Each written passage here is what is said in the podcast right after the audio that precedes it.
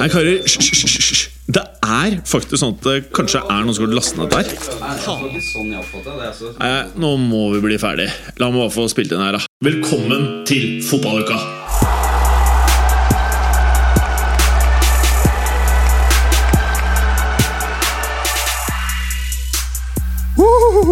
Ja, velkommen til uh, fotballuka! Ny episode. Det er fortsatt koronatider. Eh, ny gjest.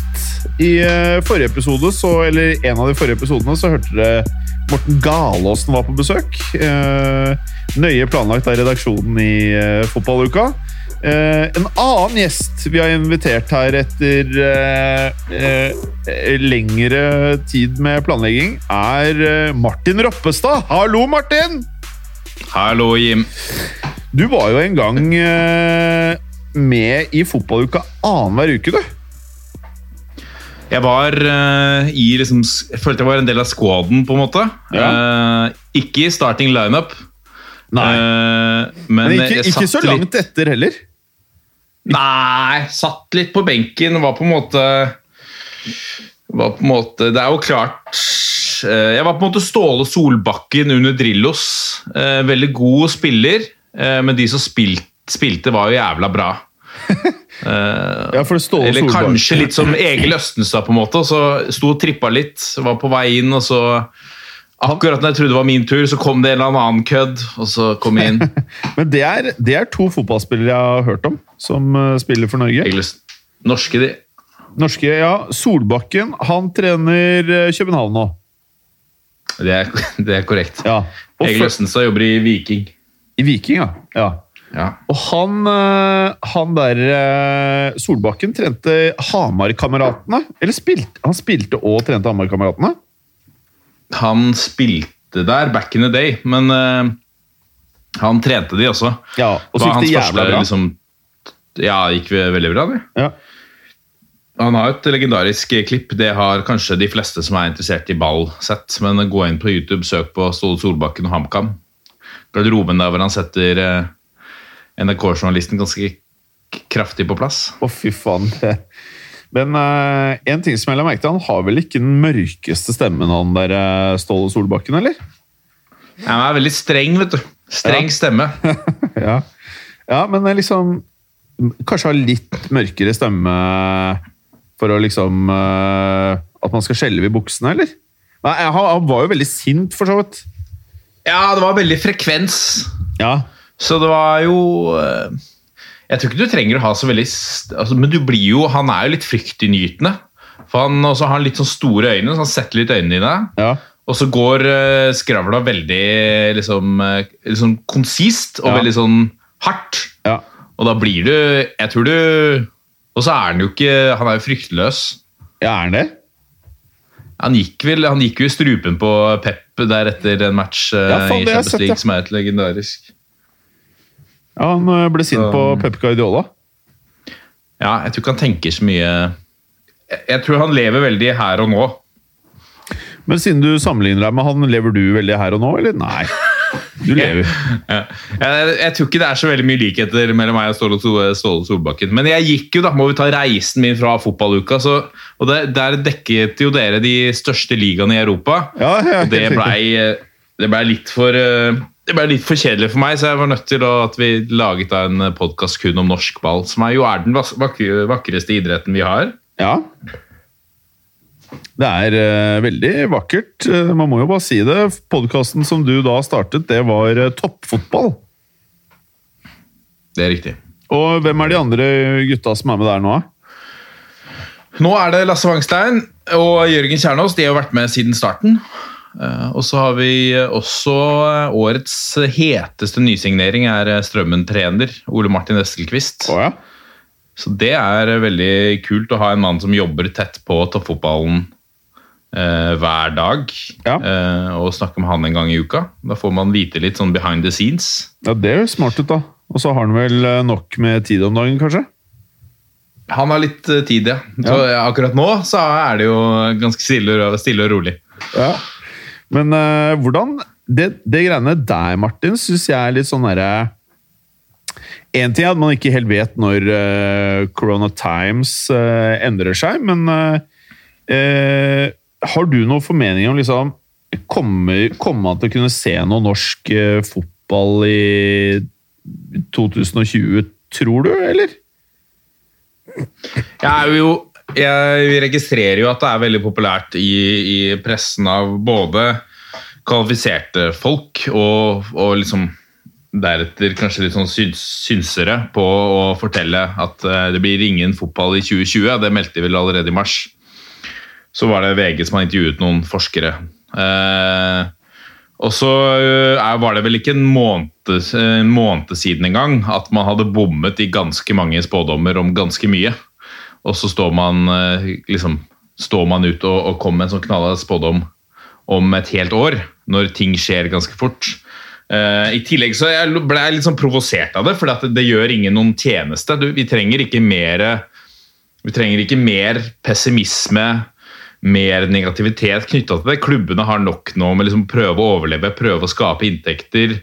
Uh, man må takle en permitteringssituasjon. Uh, det er store økonomiske konsekvenser. Og så har du liksom staten, eller i hvert fall FHI, da, med noen utvalgte uh, type forskere eller andre eksperter som uttaler seg i tillegg som prøver å på en måte Hva skal vi si? Man får ikke akkurat noe hjelp, da. Um, og i hvert fall å gå ut sånn nesten litt sånn bastant uh, før man vet noe, det syns jeg er litt sånn Ja, det ble, ble jeg litt sånn provosert av. Syns jeg er helt unødvendig. Det er litt sånn overskriftsjournalistikk. Clickbait, eller? Ja, men jeg skjønner jo. Hadde jeg jobba i VG, jeg hadde skrevet den saken sjøl. Så det handler jo litt om, jo litt om hva, hva, du som ekspert går ut og, og, sier. da. Skal du synse i mars, når du for en måned siden bommet ganske kraftig, skal du synse om hva som skal skje i oktober? Jeg tror kanskje jeg hadde holdt meg litt lavt.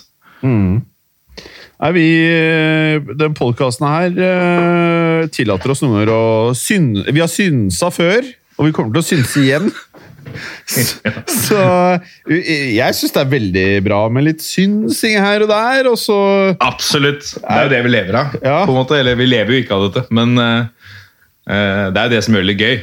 Ja, og de som har fulgt denne podkasten i veldig mange år, og snart 250 episoder så er det jo litt sånn at uh, vi har jo noen ganger bomma på spådommer, vi.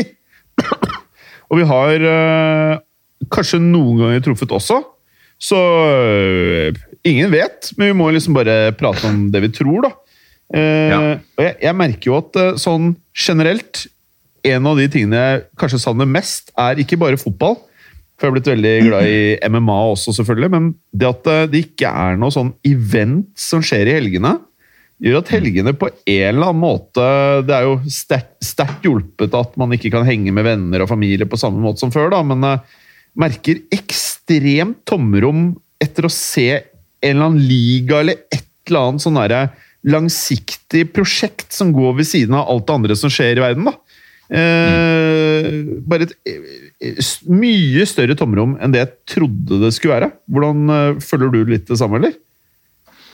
Ja, Det er på en måte ikke noen, ikke noen holdepunkter lenger. For meg eller for veldig mange som er interessert i fotball, da, som ser mye fotball, så er, så er liksom du, du, har noen holdepunkter i uka som er sånn at hvis du ikke skal gjøre noe annet, for, for mange som har familie og sånne ting, og hvis alt passer, så kan du se en match mandag, tirsdag, onsdag, torsdag, Europaliga fredag kanskje uttaket, og så Du kan se fotball hver dag. For veldig mange så er liksom lørdagskampen, mandagskampen det er faste holdepunkter i folks hverdag. Og når du tar bort, i tillegg til at du tar bort alle de faste gjøremålene du har med kanskje slekt og venner og de tinga der, eh, så, vil, så er liksom Jeg følte på en eller annen måte så var kroppen min tenkte at ja, ok, da får jeg sett mer fotball. Uh, mer tid til det, men så blir det også strippa fra deg. Og så, og så får, fikk i hvert fall jeg et veldig sånn kort, kortsiktig perspektiv. For du har ikke noe sånn Min eh, ja, det er ikke mitt liv bare fotball, men det er ofte sånn ok, om tre uker så er det landskamp. Om, to, om en uke så er uttaket til landslagstroppen. Og Eh, Da er det, og på tirsdag så er United i ligacupen. Eh, De, de små holdepunktene, som er liksom frisoner hvis du har en litt travel hverdag, de er borte. da. Så nå er det liksom Nå er det på en måte Det er jo mye av det samme for alle. Eneste sånn uh, positive som jeg også satt i Galåsen her om dagen, er uh, Jeg kan ikke komme på noe annet i fotballhistorien uh, som jeg har vært med på, som hadde vært mer gøy å kødde med enn at Liverpool ikke får gull. Ja, Det er jo en pluss, kjempepluss selvfølgelig for alle. Nesten alle. Altså, Det må vi bare ta med oss. Ja, så det, eh, det er jo veldig gøy. Hadde jeg vært Liverpool-fan, så hadde jeg, hadde jeg sittet nå og hatt det helt dritt. Men eh, for folk som ikke er Liverpool-fans, så er det noe med at uh, man har fløyet litt uh, høyt i år, og ting var liksom Liverpool-folk var basically bare 'Dette er i boks'. Og så ble det litt uh, jinxa, da, på, på en eh, helt uventet måte, selvfølgelig. Men uh, det er en mulig realitet, at Liverpool ikke vinner gull i år. Ja, og jeg tenker at det er i hvert fall noe vi for alltid kommer til å til, Vi som ikke er Liverpool-supportere, for alltid så kommer vi til å ha det. At vi har det mot de. Ja. Eh, Det eneste som kan ødelegge for det, er hvis liksom to eller tre, gud forby, spillere, Liverpool-spillere stryker med korona. Da kan man liksom aldri kødde med koronasesongen til Liverpool. Nei. Eh, så stay home. Hold dere friske. Vi trenger Altså, dette er, jo en, dette er jo en gave. Tenk deg det du har i enhver diskusjon. Så kan du bare si ja, ja, men husker du korona, eller? Husker du Ja, siden med 2020? Husker 2020. Å. Men det føles vel sikkert ekstra digg ut for deg som United-supporter, eller? Hvis det skjer? Ja, det er jo som jeg sa, det er jo en gavepakke. Ja. Og det er en gave som kommer til å gi og gi og gi. Å, den kommer til å gi, vet du. Eh, Ja, ja. Uh, så uh, Og det er jo ikke snakk om at de er Hvis de blir kronet eller ikke kronet, eller et eller annet, det er jo ikke et fullverdig ligamesterskap. Nei. Men eh, Selvfølgelig er det ikke det. Vi har jo prata litt sånn off-air eh, tidligere om eh, Det har vært snakk om litt forskjellige liksom sånn teorier om hva som skal skje med ikke bare Premier League, men uh, ligaer generelt. da. Eh, Har du noe trua på den der villeste av hypotesene hvor det nesten blir som et VM-EM i løpet av sommeren, liksom, at man spiller ferdig kampene? Jeg tenker jo at i mitt hode så er det kanskje liksom Hvis man skal gjennomføre noe, så må man finne den mest skånsomme måten å gjøre det på. Publikum er jo utelukka uansett. Eh, så man kan jo Om man spiller man kan jo, Det har vært spekulert i å spille det på et visst utvalgte baner og desinfisere alle garderober og sånn mellom hver økt. Jeg ser jo for meg at altså dersom man vil nok så, og det, I Premier League så tror jeg, med alle de pengene som står på spill, så, så, så ser jeg for meg at det åpner man. I hvert fall nå, som i Norge, som har vært ganske restriktive. Nå åpner vi for at arrangementer med inntil 500 mennesker kan arrangeres. Ja, er det, er det, er det vedtatt? Ja, eller Det er i hvert fall snakk om det. Det, var jo liksom kulturarrangement. Og så er det jo Skal gjerne se detaljene rundt det, for jeg går ut fra at det kommer til å være litt restriksjoner rundt avstanden osv. Men, eh, men jeg har jo Det snakket vi om i toppfotball også ganske tidlig, at, at eh, eh, dersom man virkelig ønsker å gjennomføre denne sesongen uh, Hvis du har to spillertropper på 22 mann hver seg, Eh, så får man isolere de da, i en, i en periode. De, får, de må skrive dem på at de ikke får lov å være sammen med familie, folk i risikogruppe osv. Uh, og så får de testes hyppig, og så spiller de, og så eh, er de minst mulig sammen. Eh, annet enn annet enn kamp, da. Men det åpner jo da også selvfølgelig for at man kan trene. Men det fordrer jo også at alle følger dette, for, fordi hvis man får ett utbrudd der, så er det jo kjørt.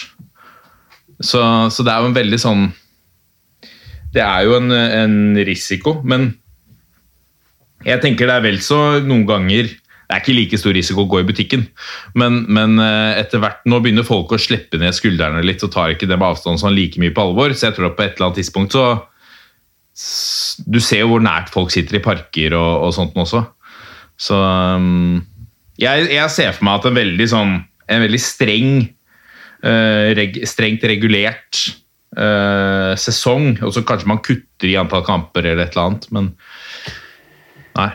En forlengelse av det Jeg har jo prata, eller jeg nevnte for Galåsen at eh, UFC, altså uh, største organisasjon i verden for MMA, MMA, de har visstnok kjøpt en hemmelig øy et eller annet sted, som de kaller for Fighting Island. Eh, og hvor de skal rett og slett koronateste alle som skal på øya. Og har du korona, så slipper du ikke inn. Eh, og der eh, skal de rett og slett kjøre events fremover. Og vet du hva, helt seriøst, jeg bare håper så sykt at de får lov til å gjøre det. For jeg, jeg må ha sport. Jeg må ha sport Ja. nå. Ja, og så en annen ting som eh, Jeg vet ikke om de har turt å holde seg ved det utsagnet, men eh, staten eh, Florida i USA er jo av mange sett på som et litt sånn annerledes sted, som har litt annerledes eh, vedtak og, enn mange andre stater. da. Men der hadde de satt opp WWE, som er World Wrestling Entertainment eller et eller annet det står for. Det er det Hulk Hogan-greiene. De har satt opp det som livsviktig arbeid, altså sånn som å holde butikkene åpne. Så det ble da, Fantastisk. med en gang etter koronaen brøt ut, så ble det da eh, en av de tingene hvor de prioriterte såpass høyt at de fikk lov til å faktisk eh, holde events. da, Så tror jeg ikke det selvfølgelig var med publikum, da, men eh, og, og om det vedtaket står seg nå, det vet jeg ikke, men det var i hvert fall en av de tingene de gikk ut med rett etter eh, karantenetiden ble, ble vedtatt. da. Så jeg føler vel litt det samme som deg, at eh, hvis man vil dette her, hvor vanskelig kan det være å liksom sette i gang sånn at eh, man får spilt kamper? Jeg føler det bør være mulig, da. Når du klarer å holde svære MMA-shows, liksom. Hvis det er noe som er realiteten, så føler jeg liksom du skal klare å holde matcher òg. Det er litt, vanskelig, det er litt annerledes med, med to fightere og med 22 fotballspillere. Ja, fordi på et, Eh, eh, og med på- på et personell rundt òg. På et fighting car, da, så er det jo innom eh, garderoben og alt sånn, så er det jo da eh, På en kveld så er det nærmere 30 fightere. Eh, Ja. Ringgirls, fire stykk. Fire dommere. Eh, nei, fire judges. Jeg vet ikke hva det er på norsk. Judges er eh, Ja, er det dom... Ja, jeg vet ikke om det blir oversatt. Og én dommer i ringen, da. Så, og da må de sikkert ha tjukt med kommentatorer for å ja, dekke alt det her. Så det er, det er jo ganske svært sett, eller mye mennesker som skal innom et sted, men de trenger kanskje ikke være der alle sammen samtidig, da. Det er jo en forskjell. Nei, og det er litt sånn Man skal prøve å putte Eller gruppere dette litt, så vil jeg tenke på at okay, det er litt som å være i butikken. Når du er innom et sånt event, og er, eh, du står og venter på uh, Du er neste fighter i ringen, og det er mange andre der, så er det litt som å være i butikken. Ja. Mens, mens uh, fotballspillet er på en måte Det er fysisk kontakt hele tida. Du er tett. Det er liksom spytt og svette og, og nærkontakt mellom vel, potensielt da 22 mennesker pluss innbyttere. Uh, så det er jo litt sånn annerledes kontra idretter hvor det er færre Ja, det er kanskje eh, det. involvert så tett. Mm. Tenker jeg, da. Så jeg tror jo at eh, den MMA Jeg mener jo litt at ok, hvis, hvis man kan gjennomføre det på en liksom ta alle sånn, altså Hvis man i praksis kan teste alle på den øya før de kommer, Ja. så hvorfor ikke? Altså vi trenger, Jeg tror det er bra Litt som Nestelquist sa i en episode hos oss. Jeg tror folk trenger litt sport. Folk trenger at det skjer litt. Altså, må huske at heldigvis nå så er det på vei mot lysere tider.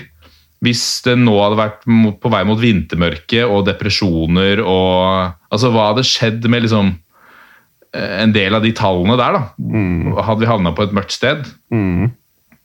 Eh, så jeg tror det er Selv om man sier at sport ikke er, er viktig, så må man huske på at sport er det viktigste av alt det uviktige.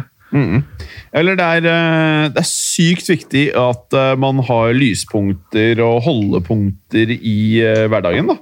Eh, Og når man vet at spesielt Norge, hvor fotball er Vi er ræva i det, eh, føles det som, men vi er jævlig glad i det. Det var, di, var dine ord. Var dine Ja. ord. Eh, nei, så er vi ikke ikke Ja, og, ræva. og Ja, men liksom Det du er inne på der, da, for noen, for mange hos andre som, som har andre ting, som har familie, som har venner og sånn, så er det liksom ok, sport er, det er noe vi gjør når vi enten får lov til det, eller har tid til det. Mens for andre så kanskje det er det viktigste de har, da. Ja. Det er det største lyspunktet i deres liv, er å se matcher, er å se fighter, er å følge med på sport. Ensomme eldre, for eksempel, det er eh, hvor TV-en er liksom Hele greia. en av de viktigste. ja. Men fortell meg, Nei. eh, før, eh, før eh, koronakjøret, hvilke lag i Norge var det som liksom eh, eh, Nummer én, hva var de tre beste lagene i Norge i forrige sesong?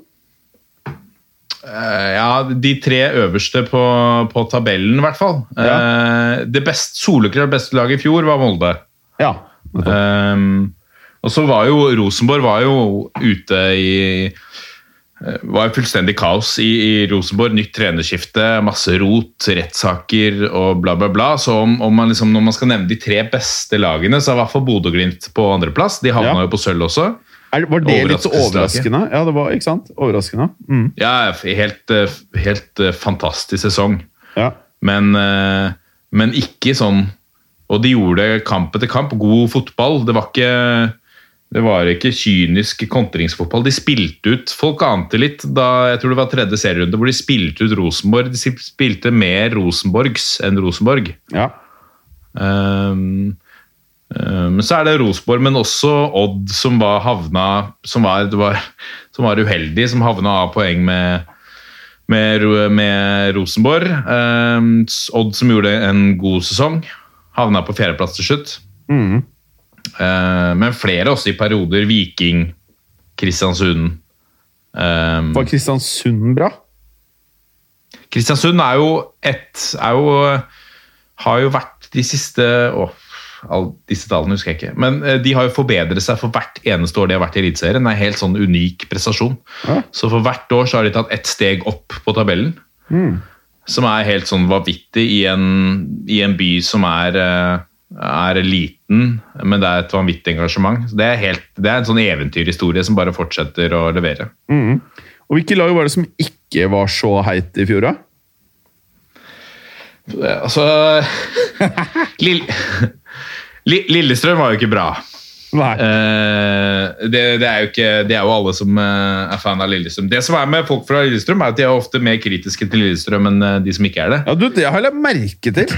Fordi de, eh, Ja. det var et eh, jævla drama, det greiene der. Var det ikke det på helt på tampen? Ja, det var jo Det var jo kjempedramatikk. Ja.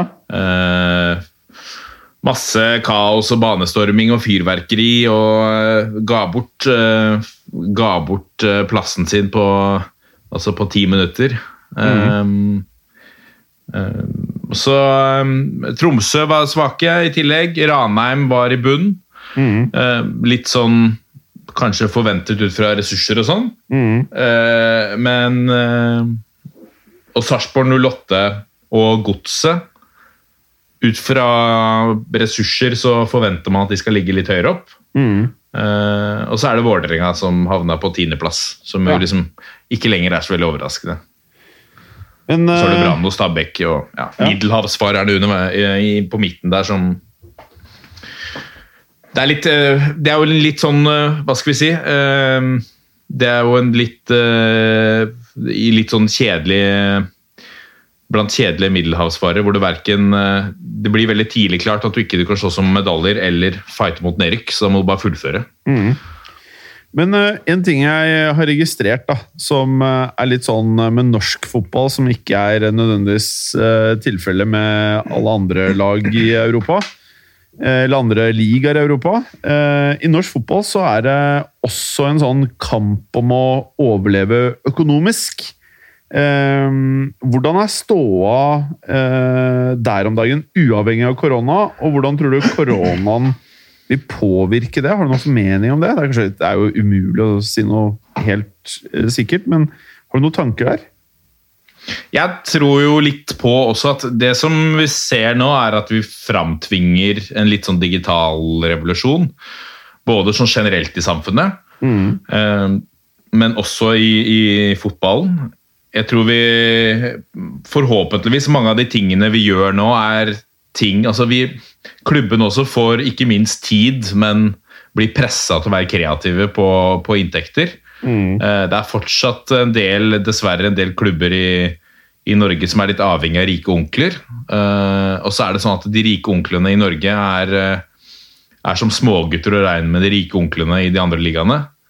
Så, eh, og så på et tidspunkt så gidder de ikke mer. Så, og da står de der. Så det er jo det som annet skjedde med Lyn, som jo mista sin rike onkel, og så forsvant de ned i ligasystemet. Det var han derre Brynestad, var det det? Atle Brynestad. Ja.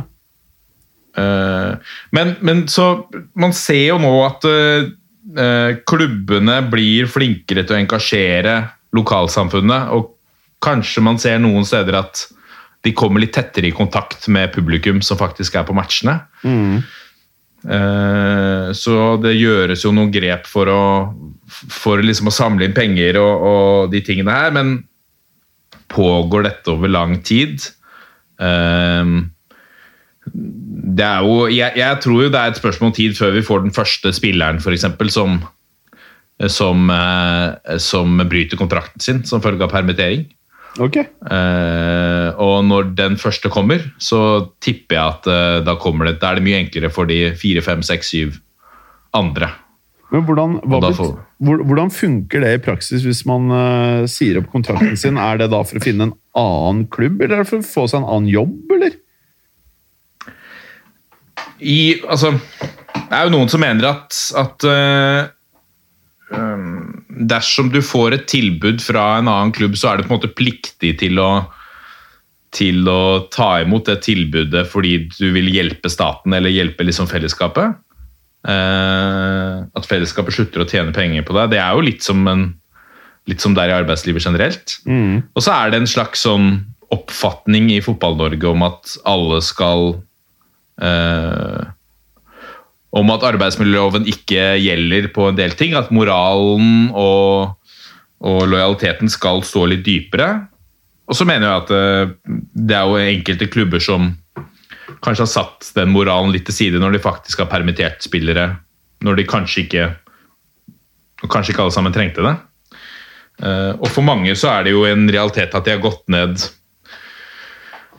De kan fort ha gått ned 40-50% i lønn, og da begynner det å, å bli litt krise. da. Når, Hvis du har et boliglån eller eh, Eller i verste fall hvis du leier en leilighet, så kan du ikke, du kan ikke fryse eh, leieprisen. På samme måte som du kan med banken din. Så eh, kan godt hende at det kommer noen, noen eh, sånne. Økonomien generelt jeg, jeg, jeg tror de fleste står denne Det vil overraske meg om noen bukker under av dette. Nei. Eh, Det er godt å høre, da. For jeg har vært litt sånn at uh, Som jeg sa til uh, Galåsen i forrige episode Det hadde vært så Altså, jeg hadde Hvis man hadde sendt Hva er det det heter nå? Tippeligaen eller Eliteserien? Eliteserien. Hvis de hadde sendt Eliteserien på TV nå, jeg hadde sett alle kamper. Ja. Jeg hadde sett alle matcher, og jeg hadde storkost meg. Og kanskje, hvis de klarer å få på de greiene her, når andre sitter og klør seg i skjegget Kanskje kan det her være renessanseperiode å få på en- fotball på TV-en igjen? Mm. Altså, Jeg tror alle hadde sittet klistra. Ja, og, og det er jo Det er jo Men det er sjansen for at vi starter i Norge før Premier League finner det for godt å starte, er kanskje Den er ikke så stor, eller? Jeg tror ikke den er eh, så stor. Det man ser, er jo at de tingene som er som kan utkjempes, idretter som kan utkjempes på avstand nå, e-sport f.eks., som jo kommer plutselig på Langoddsen, og som blir vist på Eurosport og, Uh, sånn. Så Hvordan er det med deg? Eh, Har du godtatt det som en idrett? Eller hva er en idrett? Nå skal jeg google hva faen er en idrett, hva som er definisjonen på det. For det, det er jo Ja, hva tenker du? Jeg er usikker på om det er den korrekte definisjonen, men jeg tenker på det som eh, altså idrett. Så tenker jeg på mer eh, Jeg tenker på friidrett og på eh, eh, Og på type langrenn, eh, alpint eh, Typiske klassiske olympiske grener, da, kanskje. Mm. men sport så tenker jeg mer på lagidrett og eh, ja, egentlig lagidrett og en del sånn ballidretter. Eh, klassisk. Ja. Um, men det er jo uh, Men det blir liksom litt sånn Er, er Formel 1-idrett? Er sjakk Skal jeg, Idrett. skal, skal, jeg, skal, kjøre, skal jeg kjøre definisjonen her fra Norsk Mm. leksikon? Idrett er fysisk aktivitet drevet for å bedre utøverens fysiske og psykiske helse gjennom mosjon og rekreasjon, eller for å oppnå best mulig resultater i øvelser med fast struktur og regelverk. Så i og for seg, det kvalifiserer jo e-sport til eh, idrett, da. Hvis det er det. Opprinnelig ble Ja, det er jo ikke så fysisk sånn hvis, Tradisjonelt fysisk. For det, det står da 'eller for å oppnå best mulig resultater i øvelser med fast struktur og regelverk'. Ja, så Sånn sett, Ja. per definisjon en idrett. Så, så det første kategoriseres da som mosjonsidrett. Det siste kategoriseres som konkurranseidrett. Derav sjakk og e-sport, eh, ifølge denne definisjonen her, går inn under idrett. Opprinn, opprinnelig ble ordet brukt om alle former for høyt ansett dyktighet, ja. Både av åndelig art innen musikk, diktekunst, kunnskap om runer med mer. Ja. Og legemlig gjennom ulike kroppsøvinger. Nær beslektet med idrett er le... Nær beslektet med idrett er le leken. Leken blant annet i ulike ballspill og ulike former for friluftsliv. Ja, så i og for seg da, så virker det jo som at eh, det er vel innenfor definisjonen, da. Så det er det ja, idrett. så vil jeg jo, I mitt hode så er det sånn Jeg ser på det kanskje som sport, eller jeg vil omtale det som sport. da. Jeg vil omtale det som konkurranseidrett. Ja. Ja. Ja, men det, Men det er jo ja. eh, Og, og det, der konkurreres det jo. Så det er jo eh, profesjonelle Det er profesjonelle eh, altså, hva skal vi si, utøvere som, som, som lever av dette, og som uh, trener hver dag og bruker mange mange timer på å trene og bli gode. Uh, og det er, Jeg har noen ganger sammenlignet det med litt e-sport, med, med Formel 1, hvor du har en veldig stillesittende aktivitet. Mens du bør være ganske sånn topptrent, eller bra trent i hvert fall, for å utøve det på en bra måte. For det er mye stressende situasjoner. og Ja. Dette er jo, dette er jo et uh, Diskutere dette på fotballpodkast, da, da blir det masse bråk. Fotball, fotball. Men uh, hva var det jeg skulle si uh, eh, Når kan vi håpe på å se noe norsk eh, fotball eh, spilles igjen, tror du? Hva er, hva er ditt hvis, hvis du måtte sette penger på det Hvis du skulle sagt et kvartal fremover i tiden ja. Eh, nei, det, det skjer vel ingenting før eh, eh, Det skjer vil overraske meg om det skjer noe før september. Ja, ok. Så du tror det kan skje noe i september? Nei, det tror jeg. Jeg, jeg, jeg tror jo at det vil skje et eller annet i høst. Ja. Det vil overraske om man går en hel sesong uten å spille. ja. I. Eh, I hvert fall hvis man liksom gradvis Men det, det spørs litt på Hvis det fortsetter Hvis det virker som vi har hatt eh, toppen nå, og at uh, smittetallene går nedover, og at det fortsetter sånn, og vi gir det tre måneder til, så å spille for tomme tribuner da, det eh, anser jeg jo liksom som en mulighet. Mm. Ja. Jeg har i hvert fall ikke lukket døren for det. Jeg, har ikke tenkt at det er liksom Alt håp er ute. Det samme gjelder jo for de store ligaene. Mm. Og der, hvis du i tillegg legger på noen milliarder i pengepress der, så tror jeg det går litt raskere unna Mm. akkurat der. altså. Eh, siste ting jeg liksom lurer sånn veldig på, da eh, Fordi fremdeles i internasjonal fotball så er det jo masse eh, overgangsrykter. Altså spillere som eventuelt kan skifte klubber. Og i hvilken grad klubbene føler at de kan ta seg eh, Ta risikoen, da. Med å bruke penger på å kjøpe spillere. Hvordan føler du det er i Norge? Er det noe snakk om, eh, snakk om det? Eller er kanskje ikke overgangsmarkedet i Norge i samme tid, eller hvordan er det? Det er vel Overgangsmarkedet uff, Det vinduet, det stenger vel i utgangspunktet nå eh, Åh, nå husker jeg ikke helt, eh, helt datoen. ikke Eh, så viktig nødvendigvis, da, men Nei. Men jeg, jeg, jeg tror at liksom Det er ikke Man hører mer rykter selvfølgelig fra de internasjonale ligaene. Eh, men eh, Og jeg tror også at de norske klubbene eh, Selv om jeg tror ingen av de, i hvert fall i Eliteserien, kommer til å gå konkurs, så tror jeg det å binde opp Binde opp um, mer penger i en ny spiller i form av lønn og sånne ting, når du allerede for eksempel har noen permittert, det vil se veldig rart ut. Og så er det jo kanskje, om det vil se juridisk, litt gærent ut også. Um, men eh, Ja, nei, vanskelig å si. Ja, jeg googla når overgangsvinduet er. Ja. Eh, På NFF her så står det amatører 1. januar til 10. september. Profesjonelle 9. januar til 1. april. Og aug 1. august til 31. august, ja. Så Ja, da, da er det jo ikke så lenge til det åpner igjen. Det blir spennende å se, egentlig. da. Eh, For, hvis, for dette, da, da presser man jo klubbene til å måtte svare på akkurat det du og jeg prater om. Altså, De må jo forholde seg til Hvis de spekulerer i at uh, ligaen kan starte september-oktober, eller spiller noen innekamper, eller jeg vet ikke hva det er som uh, debatteres.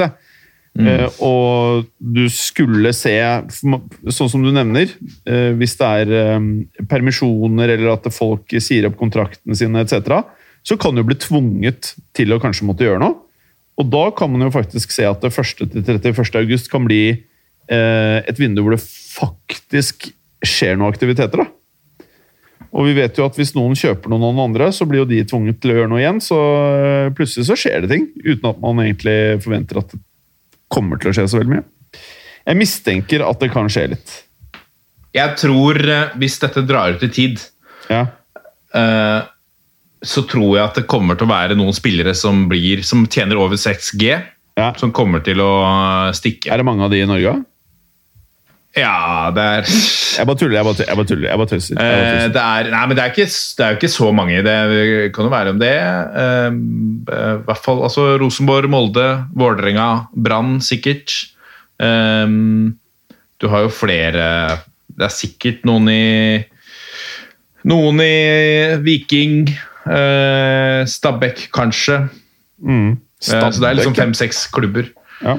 Ja, Stabæk har alltid likt å fremstille seg selv som en fattig klubb, men eh, det er jo de som betaler aller mest agenter, blant annet. Hæ? Så, Er det? Ja, ja. ja, ja. Det kom en oversikt i 2019. Jeg tror de hadde 20 millioner i agenthonorar. Shit.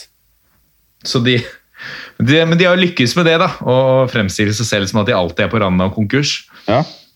Ja det, det er inntrykket mitt, at det liksom er med et uh, nød og neppe at de eksisterer i toppdivisjonen hvert år. Ja, men det er rart hvordan en klubb som snart er konk, kan signere fire spillere hver, hvert vindu og, uh, og samtidig betale 20 millioner i agenthonorar. Da er du ikke Du Det er er ikke, du er ikke på vei til kemneren. Men du, noe helt annet, Martin. Eh, Vi prater jo om at du er Manchester United-supporter. Hvordan er det for deg? Hvor mye eh, engelsk eller annen fotball enn norsk fotball er det du rekker å se vanligvis, da? Eh, ved siden av norsk fotball? Etter vi begynte med, med podkasten Norsk ball, så merket jeg på en måte mitt eget engasjement for alle andre ligaer sank litt. Ja. Uh, og så har jo engelske altså Premier League har vært liksom det nest største for min del. Uh, men så sank også engasjementet litt for sånn som Vålerenga i Eliteserien, så interessen ble liksom litt sånn bredere til alle lagene i Eliteserien. Syns det var gøy å følge med på alle lagene. Så har jeg litt hjerte for Vålerenga, men uh, ja. men for United så Det i takt med at jeg så mye mer norsk ball, i tillegg til at nådestøtet for min del for interessen i United kom da de kjøpte tilbake Paul Pogba for 1,2 milliarder eller noe sånt. Da tenkte jeg liksom, ok, dette er greit. Nå er det bare Nå er det som, hvilken, nå er det som City, nå. Nå er det som eh, Nå kunne like gjerne vært eh, eid av liksom, noen sjeiker som bare sprøyter inn penger. Jeg følte at sjelen var litt borte. Mm. Og så kom den litt tilbake igjen når for første gang Jeg, jeg håper at det ikke bare fordi han er nordmann, uh, men det kom inn en fyr som vet hvordan liksom, det gamle United under Ferguson har vært. Så om det hadde vært han, eller om det hadde vært Gary Neville eller uh, Paul Scholes, for den saks skyld, altså David Beckham, um, uh, men at man tok, tok det tilbake til røttene. da, Satsa på unge spillere. Eh, og få tid og tørre å gjøre noe litt over tid. da. Mm. Istedenfor å liksom kun, kun tenke kortsiktige resultater. Signere Di Maria fordi at du er nødt til å ta en Champions League-plass. Oh, det var et nydelig salg av Real Madrid, by the way. Å, herregud. For et grusomt kjøp. Ja. Um, så, så Og da, da vokste interessen litt igjen. Da Da var det merket liksom, da, kan de, da gjør det ikke noe for meg. Da kan de gjerne komme på sjette- eller sjuendeplass når jeg ser at det er unge gutter som spiller. Det er litt hjerte og sjel tilbake igjen. Det var helt borte, da. Mm. Med Van Gall og Mourinho. Altså, fy faen, man har gjort mye rart, altså. Ja, åh, jeg digga Mourinho, men eller, jeg, jeg syns alt med Mourinho blir ganske gøy. da, Men uh, by the way, du har sett at han har vært og levert mat og sånn i disse koronatider? Ja, ja. Han er fin, han. Gyllen mulighet for han nå til å bygge på omdømmet sitt. Ja. ja det, men jeg, jeg har sansen for typen, jeg, selv om uh... Jeg, ikke, jeg hadde veldig sansen for han da han ble ansatt, og så gikk det, gikk det et år, og så var han ned i samme sutregata som han var i slutten som Chelsea-manager. han, han sutrer mer enn han gjorde da han var litt yngre. Han har blitt litt sånn grumpy og fæl. Han gammel og sur. Ja, men det der andre sesongen hans i United, når han faen meg tok United til var det andreplass der Ja. jeg, jeg tror ikke folk helt skjønner eh, Det er greit at det var andre lag som kanskje ikke spilte eller hadde sine beste sesonger, men Nei. eh, jeg syns kanskje det har gått litt under radaren til en del eh, folk, da. Eh, for man ser jo i etterkant at det er jo ikke det er jo ikke det letteste lag å få ekstreme resultater med, sånn som det står akkurat nå, da. Men, Nei, eh, det er litt sånn, men, men det blir veldig sånn Du kan skvise en sitron Mm. hardt i en sesong, og så klarer du å få til, få til liksom et godt resultat. Det var, den stallen var jo ikke sånn kjempebra, men det, men det eh, men Folk klarte ikke å se noe fremtid i det. Jeg tror det var også det som supporterne også la merke til. at her er det ikke, ok, Hva skal vi bygge på her? Det er liksom bare sånn kortsiktige ting. Vi spiller ikke bra fotball. Ok, Du tar en Champions League-plassering som vi på det tidspunktet som man eh, var vant til å ha. Så det var ikke noe sånn han tok de fra en sjuendeplass til en annen plass. Det var Han opprettholdt der hvor United skal ligge. Ja. Så hadde, de, hadde han gjort det nå, eh, så hadde folk nok lagt mer merke til det. Mm, kanskje det. Tenker jeg. Mm. Men øh, hva tenker du sånn øh, på generelt basis vil skje med pengene i fotball nå? Nå blir jo klubbene tvunget til å tenke mye mer økonomisk. Tror du på det generelle at covid-19-perioden kan gjøre? For du, du nevner jo dette med at det, når du kjøpte Pogba til 1,2 milliarder, det er jo insane. Det er jo insane. Eh, og Neymar-overgangen og mye av det som liksom har korrumpert eh, fotballen litt. Grann, da. Tror at det covid-19-scenarioet nå kan kanskje gjøre at eh, pengene kommer litt ned igjen? At mange av toppklubbene må kanskje begynne å tenke litt mer eh, på hva de driver med? at eh, Kanskje er dette her liksom første ledd i at ting blir mer normalisert igjen? Eller tror du bare at det, det er en liten pause, og så er det bare dysj, tilbake sånn som det var med penger øst og vest? Det spørs jeg, jeg følte jo at vi begynte å se en litt endring Er det tre sesonger siden? Eller to sesonger siden, hvor man hadde veldig, plutselig veldig mange utlån. Eh, som jo er en, egentlig en, eh, en respons på Financial Fair Play. En omgåelse av Financial Fair Play, hvor du låner spilleren og egentlig skyver kostnadene fremover. Det, fremover. Eh, Eh, eller eh, så, så, så, så en, en type sånn En viss endring følte jeg faktisk startet allerede da. Og så tror jeg at det settes av Av liksom de første liksom overgangene som blir kjørt. da. Altså Hvis de er på de samme summene igjen, så, så blir liksom markedet der. da. Det er jo liksom dominoeffekten når Fernando Torres gikk fra altså Plutselig så var Andy Carroll verdt 550 millioner kroner. Det var Altså, insane. var insane. Det er jo det er noe av liksom det beste, kanskje konkrete eksempelet Hvis jeg skulle fortalt noen som ikke var interessert i fotball, hva som skjedde, med liksom hvordan pengene funker. Ja. Det er bare, Du bare flipper som Det er som å stå i skolegården og flippe fotballkort, liksom. Og så er det nok en, en del av de folka som styrer med pengene Jeg tror ikke alle av de liksom Det er ikke alle som er involvert i fotball, kanskje spesielt i Norge, som kanskje er eh, utdannet med økonomi og finans og regnskap og den type ting, da. Som, eh, som drar i snorene. Og da er det jo litt sånn at eh, Fingeren opp i været. Ok, han gikk for 500, ja da må jo han gå for 700. Det var jo sånn, Etter Neymar-overgangen så ble jo ting bare helt teit. Altså, Det det ble helt dust, liksom. Det var helt Average spillere gikk for 20-40 millioner eh, euro, liksom. Eh, Det var jo tidligere liksom 20-40 millioner euro. Det var liksom, Da var 40 mill. pluss. Da var det en av de beste spillerne i verden. 20-40, det kom an på liksom hvor lang kontrakt spillerne hadde igjen med klubben. Eh, mens nå er det liksom sånn Å begynne å prate med noen under 20 millioner euro, det er liksom bare Kom igjen, da. Da får du, det, det er ikke aktuelt, liksom. Nei, men uh, utover det, ja, Martin. Noen, uh, noen ting du har på hjertet disse uh, Hva skal jeg si trauste fotballdager?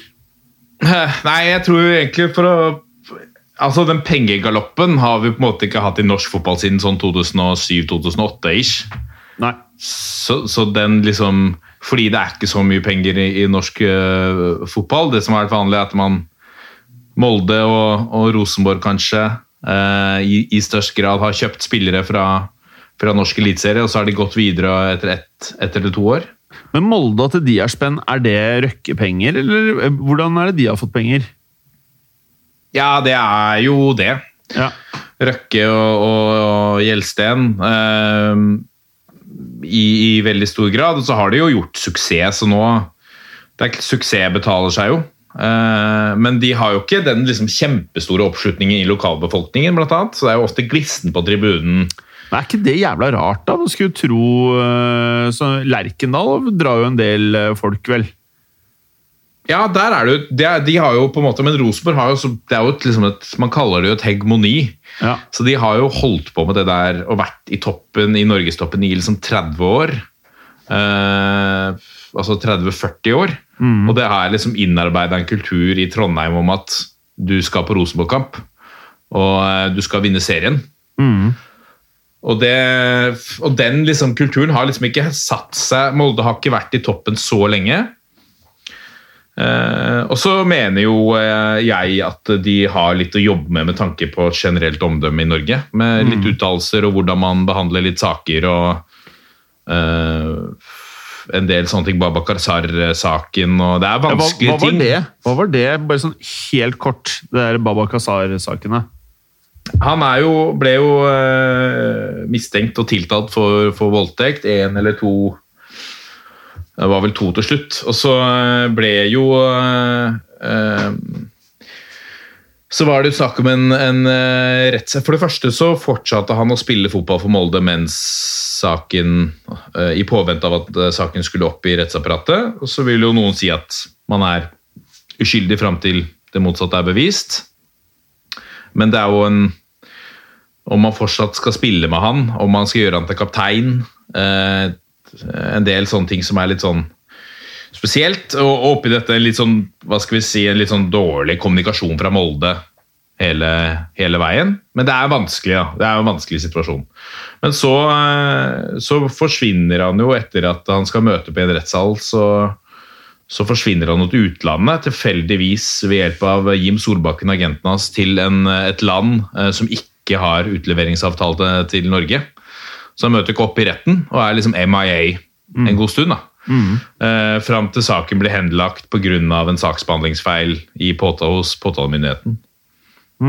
Eh, men det er et godt eksempel. I tillegg så underveis her så hadde supporterne som kom, hadde mye sånne bannere hvor det sto Ikke navnga uh, Babakar Sar på det tidspunktet, men hadde en del sånn 'Vi er mot voldtekt' og en del sånne ting. De ble jo kasta ut av Bedt om å ta ned banneret sitt, kasta ut av eh, av stadion. Det var nakenvisitering av supportere på utsida.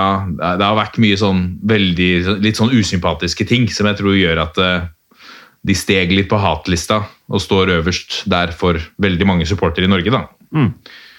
Jeg som er litt sånn gammel Rosenborg-supporter, syns jo det egentlig er veldig fint. Det, Rosenborg pleide Ja. å ha den, føler jeg.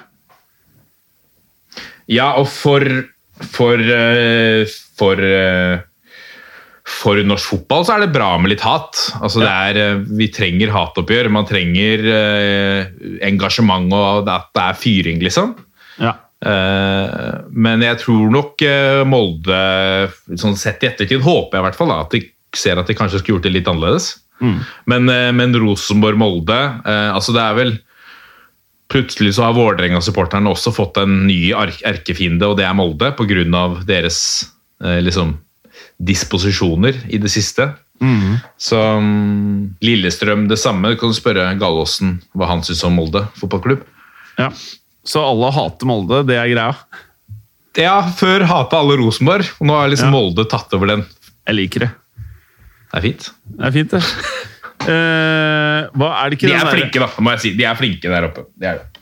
Til mye Ja. annet. Ja, Hvem er treneren der? Er det noen man har hørt om, eller? Erling Moe, Aldri. som var trener sammen med Ole Gunnar Solskjær. Ja, Så han eh, var under Solskjær, eller? Ja, Han var under Solskjær, ja. ja nettopp. Så, men han har ikke hatt noe stor jobb før han tok over eh, Molde, eller? Uh, eh, han har jo jobba i Molde, så det er jo en stor jobb, det, for så vidt. Stor og stor, fru Blom. Nei, han har vært i trener i treff. Han er jo Molde-mann.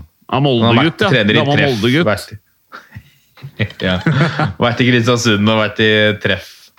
Eh, Vært treff, assistent ja. i Molde. Gammel treffkar. Gammel treffkar i dette.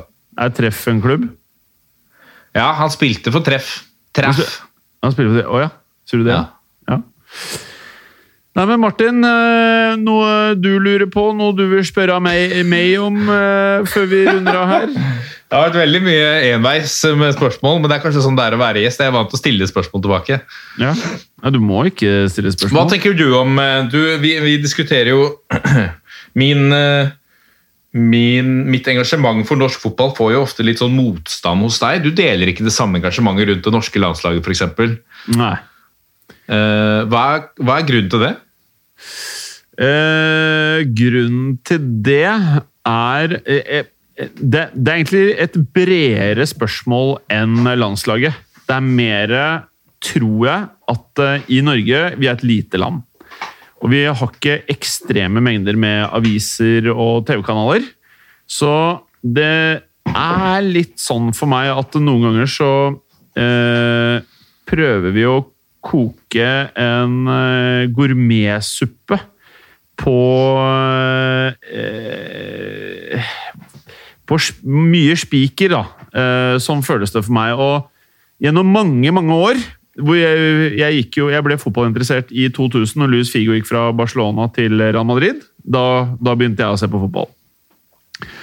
Så det jeg har digga av fotball, er ikke bevisst. Jeg har ikke gått gjennom sånn å ja, Rosenborg er teite, eller at eh, jeg bor i Oslo, derfor skal jeg like Vålerenga eller Lyn. eller et eller annet sånt. Jeg bare liksom, Det jeg syntes var fett å se på, det var Rosenborg som herja i Champions League. Jeg syns det var for meg eh, landslagsfølelse å se på Rosenborg i Champions League.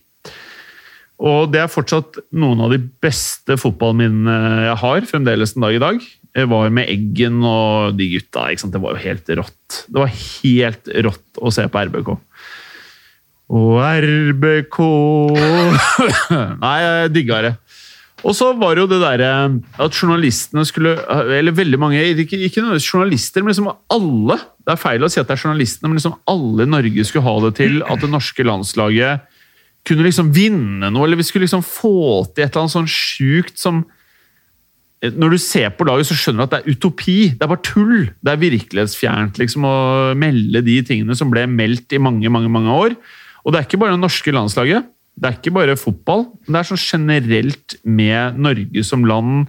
Bare du har en eh, fotballspiller eller en idrettsutøver i en eller annen idrett i eh, utlandet, eller en eller annen som kjører rally fort et år, eller en eller annen som er god i sjakk eller kan kaste spyd eh, sånn tiende best i verden, eller et eller annet sånt, så blir så jævlig mye ut av det. Og da var det vel bare til slutt at det liksom Nå er det nok. nå er det så mange Norge er best i alt, og så er vi ikke best i noe, eh, føles det som. At jeg fikk litt sånn antipati mot eh, veldig mye sånn hype som ikke er rotfesta i virkeligheten alltid. Og at folk er litt sånn som, med, som eh, Liverpool og Manchester United-supportere har fått mye hate for. At det er liksom Spiller du en ræva kamp, så må du kunne også innrømme at det har vært en ræva kamp. Spiller du en god kamp, så kan man anerkjenne at man har spilt en god kamp. Men hvis, det, hvis man bare liksom ikke sånn Donald Trump-aktig, da, at alt er fake news, at du liksom bare ikke forholder deg til virkeligheten, så blir man litt sliten av det. og Jeg tror det var det som liksom gjorde det, mer enn at jeg hater det norske landslaget eller ikke bryr meg om det norske landslaget. Jeg tror ikke det er det der. Men at uh, bare den der, uh, greia om at man ikke kan innrømme hvordan ting faktisk er. Og så kan man heller bygge videre på at ja, vi er kanskje ikke best på det, det, det, det. det. Uh, og anerkjenne det, da, istedenfor å liksom selge, selge produktet i størst mulig grad, sånn at når du faktisk ser på det, så er det en total mismatch mellom folk som ikke ser på fotball, men som leser et eller annet eller hører et eller annet om, eh, om et eller annet vi gjør i idretten. Og når du faktisk ser på det, så bare Hva faen? Det her er jo det, det, det, Du sa jo at vi var dritgode på det, og at han der, der, han skulle skåre mål. Og, men, men, så er det bare helt nakent. Og det er nok sånne runder at jeg har sittet og sett på det greiene her. Og så heier jeg samtidig på Real Madrid, og i norske medier så skriver man ikke en dritt om eh, et av verdens beste lag, om hvor gode de er, f.eks. Og så ser du da det norske landslaget som det skrives om hver jævla dag i en periode opp mot en eh, viktig kamp. Så er det en mismatch mellom hva du hører du skal få, og hva du faktisk får. Og da var det jeg ble sliten, og etter det så er jeg kanskje de få gangene jeg har prøvd meg på å stikke på Ullevål eller å dra på Kamp i Norge, så har jeg liksom bare fått meg overraskelser gang på gang med at det ikke leveres noe i nærheten av det jeg blir solgt inn matchene på. da. Så det, det er vel grovt sett egentlig svaret mitt. Ja. For mye hype. Det er jo fristende å dra opp selvfølgelig at vi, har jo, vi lå på andreplass på Fifa-rankingen i 1993. At vi er eh, den eneste nasjonen i verden som ikke har eh, tapt mot Brasil. Blant annet, da. Eh, det er jo fristende, selvfølgelig, men, men, men lå vi på tredje Hva var du sa? Tredjeplass på Fifa? Andreplass. Andreplass på Fifa-rankingen? I 93, det er helt riktig. Kanskje revurdere hvordan den funker, eller? Ja, det gjorde man, da. Så man man det. hvordan det funka. Ja, man Fordi ja, men Da slo ja. vi jo Vi slo jo ja, vi slo England og Nederland og ja. Uh, men det var når han uh, Drillo var uh, trener, ikke sant? Egil, ja. Egil. ja. Fordi når Drillo var trener, så var det i det minste sånn Jeg syns det var kjedelig å se på, men da var det i det minste sånn Ok, jeg føler vi spiller så bra vi Eller vi, vi er smarte, da. Vi spiller mm. på det vi kanskje kan få til, og da, det syns jeg var helt ok. Mm. Men så kom det vel en trener det, var noe dikt og noe greier, var det ikke det senere? At det var dikt, at man uh, fokuserte på dikt, var det ikke det? Kan ikke Var dikt? Eh, ja. Dikt og midtbanespillere som angripere og mye varianter. Hvordan gikk det, ja? Hvordan var rank Det var kanskje ikke andre mm. på rankingen? Det var ikke andreplass på rankingen da? 60 andreplass eller noe sånt. Ja, Litt ned da med diktene. Det var rett foran Færøyene, tror jeg, en periode der. da da brant det blått lys på Ullevål stadion. ja, ja, nei. Da var, det, da var det 2000 mennesker på landskamp. Ja, men eh, jeg, jeg syns det er fascinerende liksom, folk som sitter og ser på disse kampene her og maler norske flagget på magen og dundrer ned 40 pils før de skal på stadion hvor du ikke får lov til å drikke øl. Og så etterpå så er det 'Å, nesten', eller men, eh, men for å følge opp det, da. Syns du nå kan, har du et Det jeg tror liksom så gjennomsyrer alt som du ser på som litt irrasjonelt, er jo et håp. Så det er jo et håp om at sitt eget uh, lands uh, landslag skal gjøre det bra. Det hadde vært fett. Og så, ha, ja, og så har vi jo Og så er vi en veldig liten nasjon, og dessverre, for alle de eksemplene du snakker om, så har vi hatt en lit, vi har fått litt smaken på suksess. ja. Det vil si, vi har slått verdens beste lag, og vi har vært i to eller tre sluttspill totalt.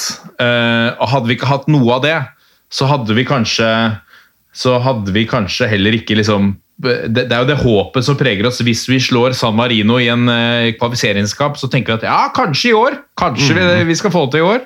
Ja. Eh, og det er jo et håp der. Men nå, med spillere som er virkelig på vei opp i eh, opp i det gjeveste i Europa, med Braut Haaland, Martin Ødegaard, Kristoffer Aie, Sander Berge Hvem var han Eh, du sa? sa? Hvem var han før Chris- Sander Berge? Kristoffer Ayer Ayer? ja, i Celtic. Midtstopper. Ja. Ja, han har jeg hørt om. Ja, ja. Stemmer. det det. håper jeg. Ja. Ja. Men de andre der, han derre Haaland Han Haaland, det kan jeg si, han er en stjerne. Men de Ja. andre der ja, Martin Ødegaard. ja, Få se, da. Det er dere gir seg i, i Real, henta han tilbake der. Jeg håper ikke det skjer, ass.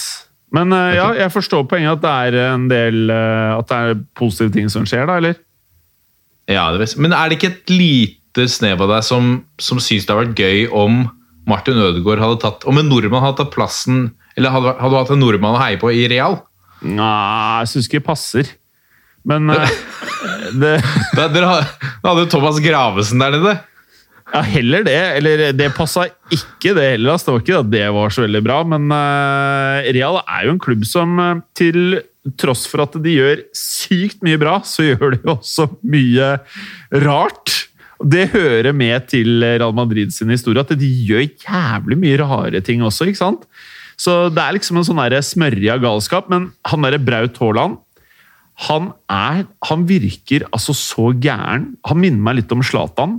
At han kunne faktisk funka i Real sånn personlighetsmessig.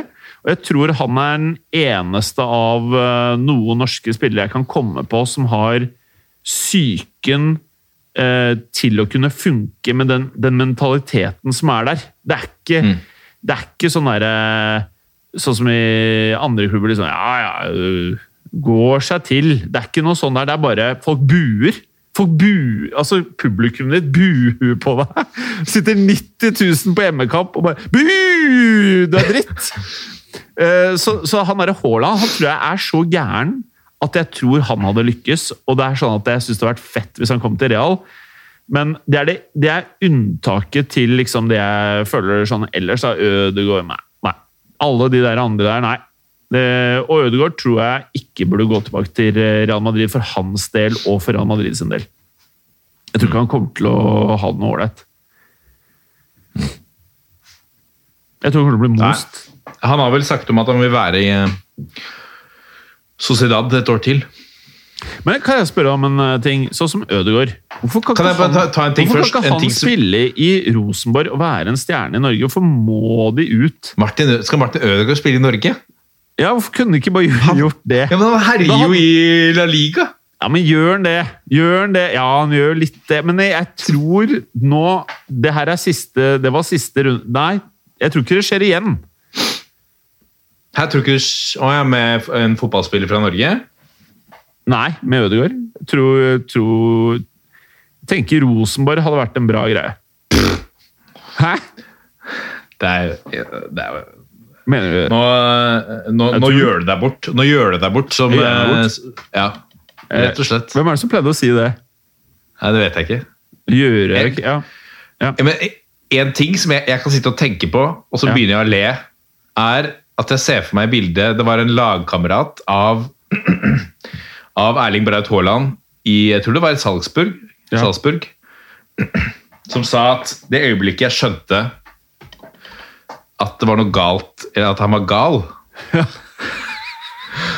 Det var da han gikk, denne lagkameraten hadde gått rundt, random rundt i, liksom, i Salzburg, eller i noen sånne småområder i nærheten, hatt en løpetur eller et eller annet, og så hadde han sett en bil komme kjørende med eh, Champions League-hymnen på full guffe, og så han rullet ned vinduet, og der sitter Erling Braut Haaland. Han kjører rundt han kjører rundt og hører på den. Han har sagt han bruker det som vekkerklokke på telefonen. Han er jeg blir, han er gal. Det er helt Jeg digger rått. Jeg digger den. Jeg digger den. Han, han, han der, der kommer til å bli noe stort uh, til slutt, ja. Ja, han er stor. Men uh, hva, hva- er din uh, favoritt-norske spillere? Eller kan man spørre om så Man spør kanskje ikke om sånn? Man spør, jeg spør om det. Ja, nå, liksom? Ja, Men du kan ikke si en sånn her fyr ingen har hørt om som spiller på Vålerenga, liksom. Nei. Nei, men liksom, det er jo, en- eh, det er jo Man er, er jo veldig fascinert av Erling Braut Haaland. Det er jo Ja, helt fy faen, sjukt han er fet, ass. for hver match man ser. Mot PSG, dunka fra 20 meter. Altså, liksom, Ja. Han bare fortsetter å levere, Ja. da. Ja. Også, men du vet, når du ser han du, Mm. Når du ser han i intervjuer og sånn, han ser gæren ut òg. Ja. Altså, altså han, han, han, han der, der han kommer til å mose så mange lag de neste tiårene. Mm. Ja, han, han blir stjerne, altså. Han blir stjerne. Mm. Han kommer til å få det til. Så du har Ja, Haaland, du òg, da. ja, men det er også litt sånn kjedelig valg, ikke sant? Ja, er det det? For de det er jo litt sånn si, ok, Hvem er favorittspilleren din? Er. Cristiano. Ja, men liksom, det blir litt som å svare Ja. Han er Ayer, da. Er Ayer noe, eller? Ayer er fin. Ayer Er er fin. Ja. Ja, han er bra. Hva med Eh, Johnsen, da? Johnsen? Ronny Johnsen? Nei, er det ikke en som heter Johnsen? Bjørn Mars? Er det ikke Ja, en som spiller på midt, midt, nei, midtbanen på Nei, Norge? du tenker på Bjørn Mars Johnsen. Han er fin, for så vidt. Han reiste jo Europa rundt, spilte rundt i Han spilte i Bulgaria og sånn. da. Eh, portugisisk annendivisjon, som han kalte inn på landslaget. Ja. Eh, og så gjorde han det ok der. Jeg så, Det snakka vi om her, han var på ferie her i, før jula. Og på Da ferie? han, han leid seg en yacht, satt Ja. med dama på fronten der, og så hadde han på seg landslags overtrekksdressen. Men han spiller ikke på landslaget? Jo, nå, jo, han har vært med i landslaget, Ja. men det er jo ingen som går med de klærne privat på ferie. Nei, Nei. Han er Han småling snåling, da, åpenbart. Men er det ikke en annen som heter Jonsen? Jonsen? Ja. Nei, Johansen er det! Johansen, Stefan Johansen, er det. ja. Ja, Ja. han nå, vel? Hadde han vært litt bedre? Han har vært bedre før, ja. Men han har jo et eh, en sinnssyk killerinstinkt, da. Men eh, han, han må uh, Han har vært litt grann bedre, så kanskje. Jeg syns ikke han er bra nok, for å være helt ærlig. Nei. Nei. Men disse Elionussi-gutta, de er rå, vel? Ja, vært litt opp og ned. Tariq. Tariq, Tariq er bra. Ja. Mohammed Ulunussi har hatt litt forhudssvikt og Ja. skader og sånn. ja. Men der eh, Ja, det er de jeg vet om. Jeg vet ikke om noen flere Jeg kommer ikke på flere norske spillere. Jeg kan ikke én spiller på Vålerenga, tror jeg. Si en mest kjente Å, ja. der. Nå Han eh, Den eh, mest kjente Jo, jeg vet han er... Nei, jeg vet ikke. Det, det som er jo der, at du mangler jo liksom litt de store profilene. Den største profilen nå er Aron Dønnum, som er 21 år, 22 år. Ja. Liksom, Masse tatoveringer, tar eh, bakover flipp-flapp når han uh, er scorer. Fyrer litt i teltet. Ja. Nei, var det ikke en som dro til utlandet og kom tilbake? En ving. Mørkt hår. Som uh, var talent. Hva faen er han het? Nei. Nei, jeg vet da faen. Jeg, sorry, Martin. Men var ikke en fyr Nei, hva faen Bård? Finne var Nei, i eh, nei. Tyskland, kom tilbake. Nei. Nei. Jeg vet ikke. Jeg kan ikke noen spillere på laget der. Det er mye spennende i hvert fall. Det kommer mye spennende norske talenter eh, også etter hvert. Eh, det er bare å følge med, Jim. Ja, man følger med etter covid. Følge med etter covid. Men Martin, da tenker jeg nå har vi prata mer om norsk fotball enn jeg har gjort de siste ti åra. Eh, Deilig. takket være deg. Mm. Skal vi si det Får sånn, eller? perspektiv. Ja, Skal vi sier si- vi sånn. Ja, Vi kan jo si det sånn. Ja. Med det, Martin, så er du nå tilbake i uh, fotballuka-mølja. Eh, denne episoden kommer en gang i løpet av uh, mens covid uh, eksisterer. Så får vi bare se når den utgis. Hør på toppfotball, da, må jeg si. Ja, gå inn på iTunes, Spotify, hør på Toppfotball, Raten og eh, Toppfotball på Instagram, er det ikke det dere heter der, da? Toppfotball. Toppfotballpodkast. Absolutt. Toppfotballpodkast på Instagram og Twitter, vel. Det er riktig. Det er Og med det Peace out. Vi prates. Out. Ha det. Det gjør vi. Ha det, ha det. Takk for at du gadd å høre på. Vi er Fotballuka på Twitter, Facebook og Instagram. Følg oss gjerne. Men bare få høre. Den tror jeg blir litt fet. Moderne media.